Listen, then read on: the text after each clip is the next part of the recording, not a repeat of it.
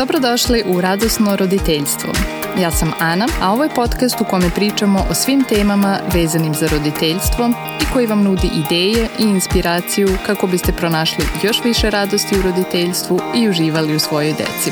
Mišljenja koje iznosim u podcastu baziraju se na naučnim istraživanjima iz oblasti psihologije i dečijeg razvoja, a pre svega na primerima iz stvarnog života i mom ličnom iskustvu sa mojom decom. Hvala što ste tu.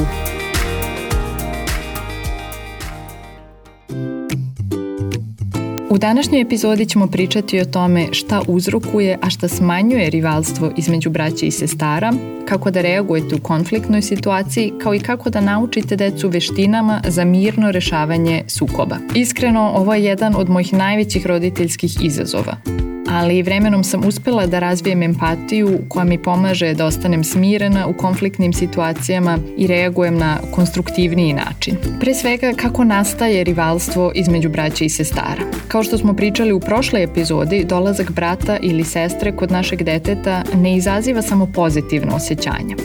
Deca često imaju i osjećaj gubitka i nesvesno se pitaju da li će njihove potrebe i dalje biti zadovoljene, da li će njihov odnos sa roditeljima ostati blizak, da li su i dalje cenjeni u porodici. Takođe i mlađe dete kada malo poraste počne da se uspoređuje sa starijim detetom, vidi da je starije dete u mnogo čemu bolje, da može da radi više stvari i tada može da razvije strahove koji govore da nije dovoljno dobro da zasluži našu ljubav.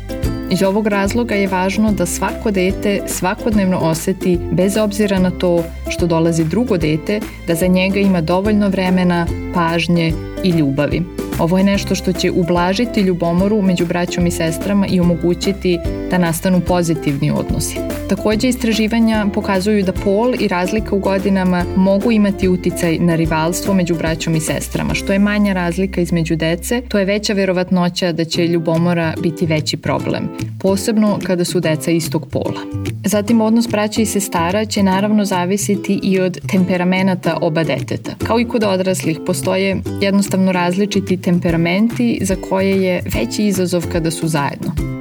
Ili ako imate dete kojem je izuzetno teško da reguliše svoje emocije ili kontroliše svoje impulse, koje ima tendenciju da bude eksplozivno, onda će i situacija između braća i sestara biti teža. To kažem samo da bi se podsjetili da nismo mi krivi za svađe među braćom i sestrama, ali u isto vreme i imamo veliki uticaj da to promenimo. Još jedan važan uzrok svađa među braćom i sestrama je nedostatak veština da se sukob reši na produktivan način. Naprimer, ako oba deteta žele istu igračku ili daljinski upravljač, često nisu u stanju da taj konflikt reše na konstruktivan način, bez napadanja druge osobe. To je nešto što ni puno odraslih ne zna. Većina nas nije naučila u dečijem dobu da sukobe rešava mirno i produktivno, tako da ni nama nije lako da tome naučimo sobstvenu decu ali se konflikti među braćom i sestrama zapravo pogoršavaju kada deca ne znaju da na dobre načine zadovolje svoje potrebe i reše sukobe. Šta utiče na pozitivan odnos braća i sestara?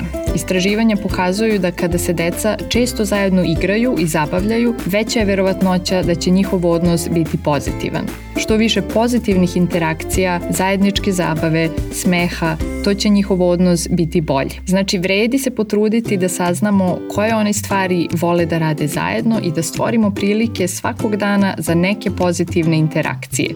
I kada se lepo igraju, ne treba ih prekidati. Kao što kažu, ne budite bebu koja spava, tako važi i ne prekidajte braću i sestre koji se zajedno igraju. Takođe, što je vaš odnos bolji sa svakim detetom pojedinačno, to će i odnos između braća i sestara biti bolji. Kada se deca osjećaju povezano i blisko, onda imaju jednu sigurnu osnovu, osjećaj da će njihove potrebe biti ispunjene i bolje se slažu, I na kraju istraživanja takođe pokazuju da su odnosi između braća i sestara bolji kada postoji porodična kultura uzajamnog poštovanja. Naravno, tu ton daju roditelji, opet se vraćamo regulisanju sobstvenih emocija i postavljanju očekivanja da smo ljubazni, da jedni druge poštujemo i da konflikte rešavamo na pozitivan način. Dakle, hajde sada da razgovaramo o tome čemu želimo da naučimo svoju decu kako bi konstruktivno rešila sukobe.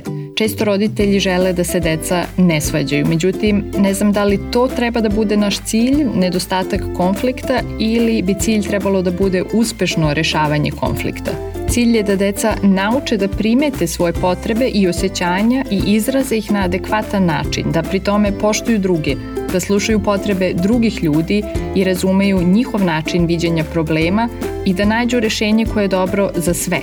To su veštine kojima želimo da naučimo decu i koje su važne za njihov čitav život i za sve buduće odnose.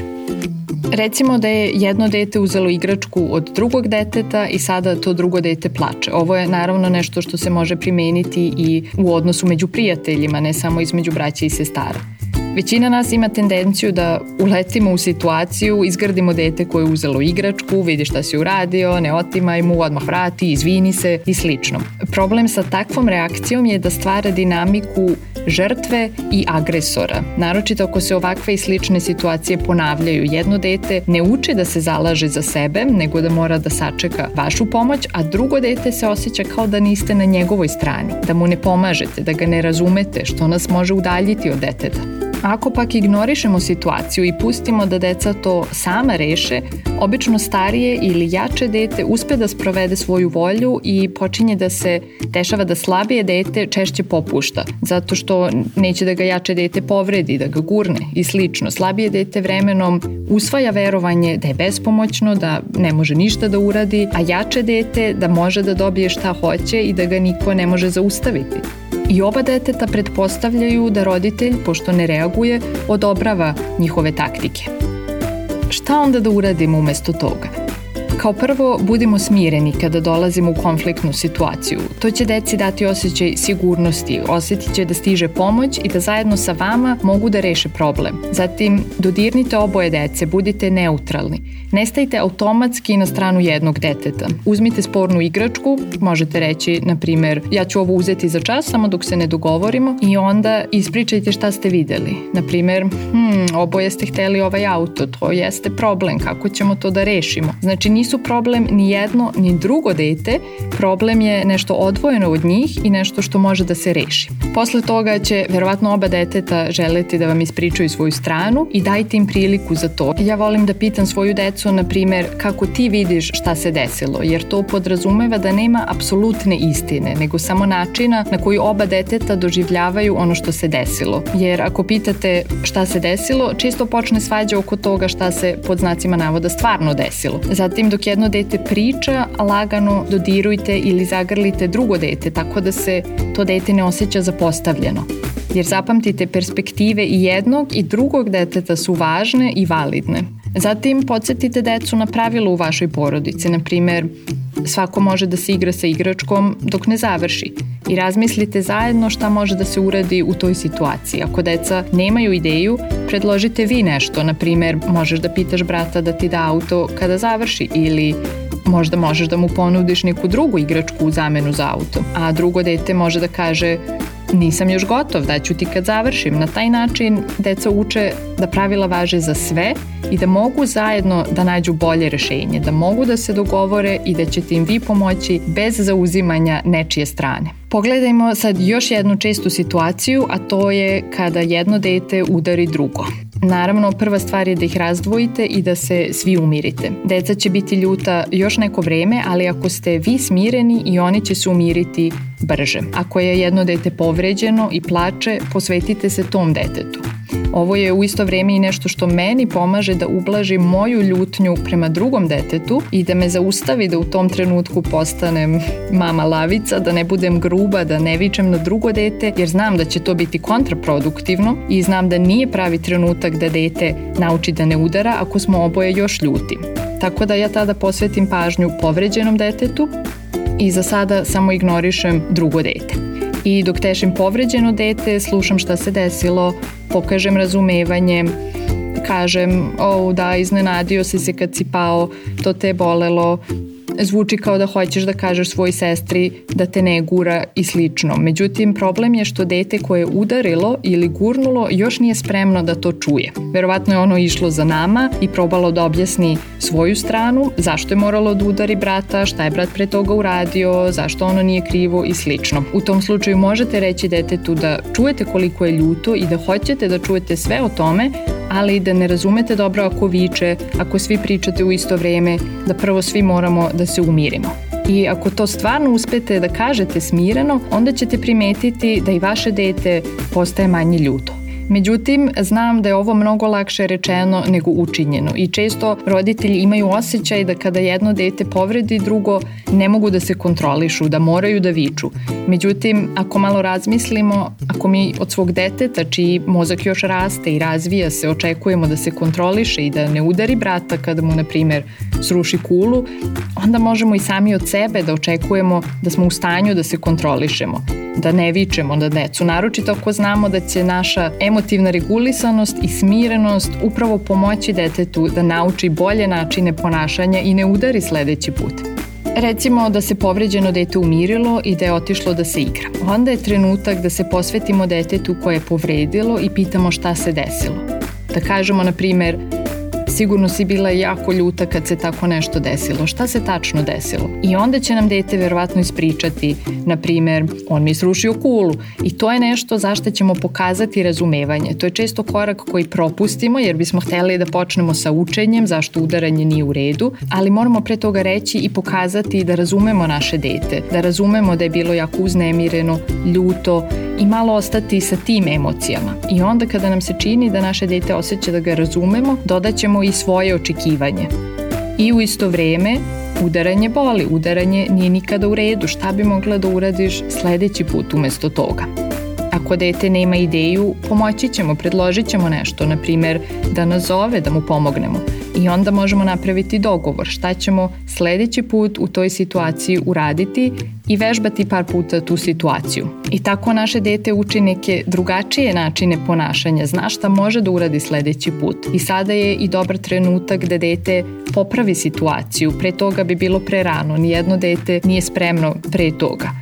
Tako da možemo sada da pitamo naše dete kako bi moglo da popravi situaciju, da kažemo da znamo da nije htelo da povredi brata ili sestru i da pitamo šta bi mogli da uradimo sada da to popraviš. Možda može da proveri je li drugo dete dobro, da ga pita kako je. Možda može da se izvini. Moja deca, na primjer, vole da se izvine i onda da kažu uz to hajde da počnemo iz početka. To je nešto što je drugačije od izvinjenja na koje smo dete naterali i koje deca često kažu kada još to ni ne osjećaju, kada u stvari još nisu spremni. I na kraju možda se pitate I je to sad sve? Zar ne treba da kaznimo dete koje udara? Moje mišljenje je da se dete koje je udarilo već osjeća loše. Da već sigurno zna da to boli i da kazna, vikanje, time out ne bi pomogli da se dete osjeća bolje i da nauči kako drugi put da se ponaša.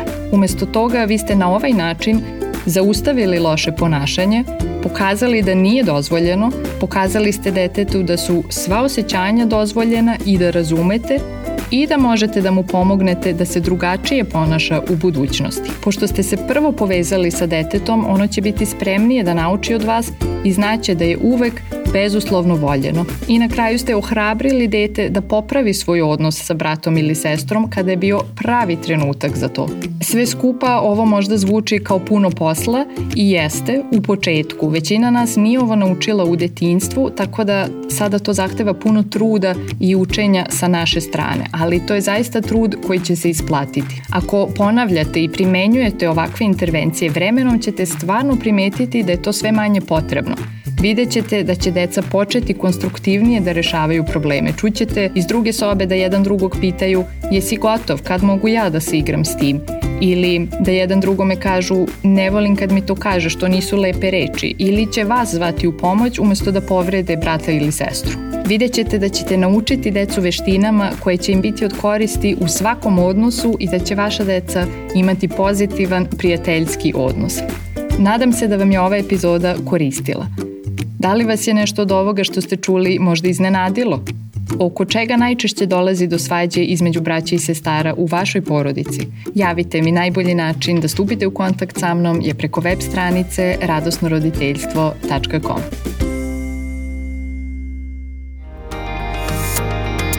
Hvala što ste slušali Radosno roditeljstvo. Ako imate neko pitanje, predlog ili samo želite da mi se javite, pošaljite mi e-mail na adresu podcast.radosnoroditeljstvo.com ili popunite kontakt formular na web stranici radosnoroditeljstvo.com. Čujemo se za dve nedelje.